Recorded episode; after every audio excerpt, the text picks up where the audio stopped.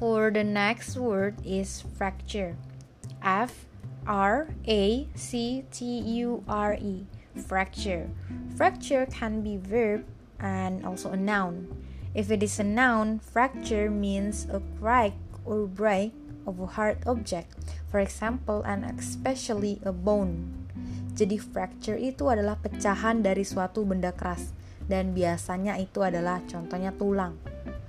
But if it is a verb, fracture means the act to break or cause a break.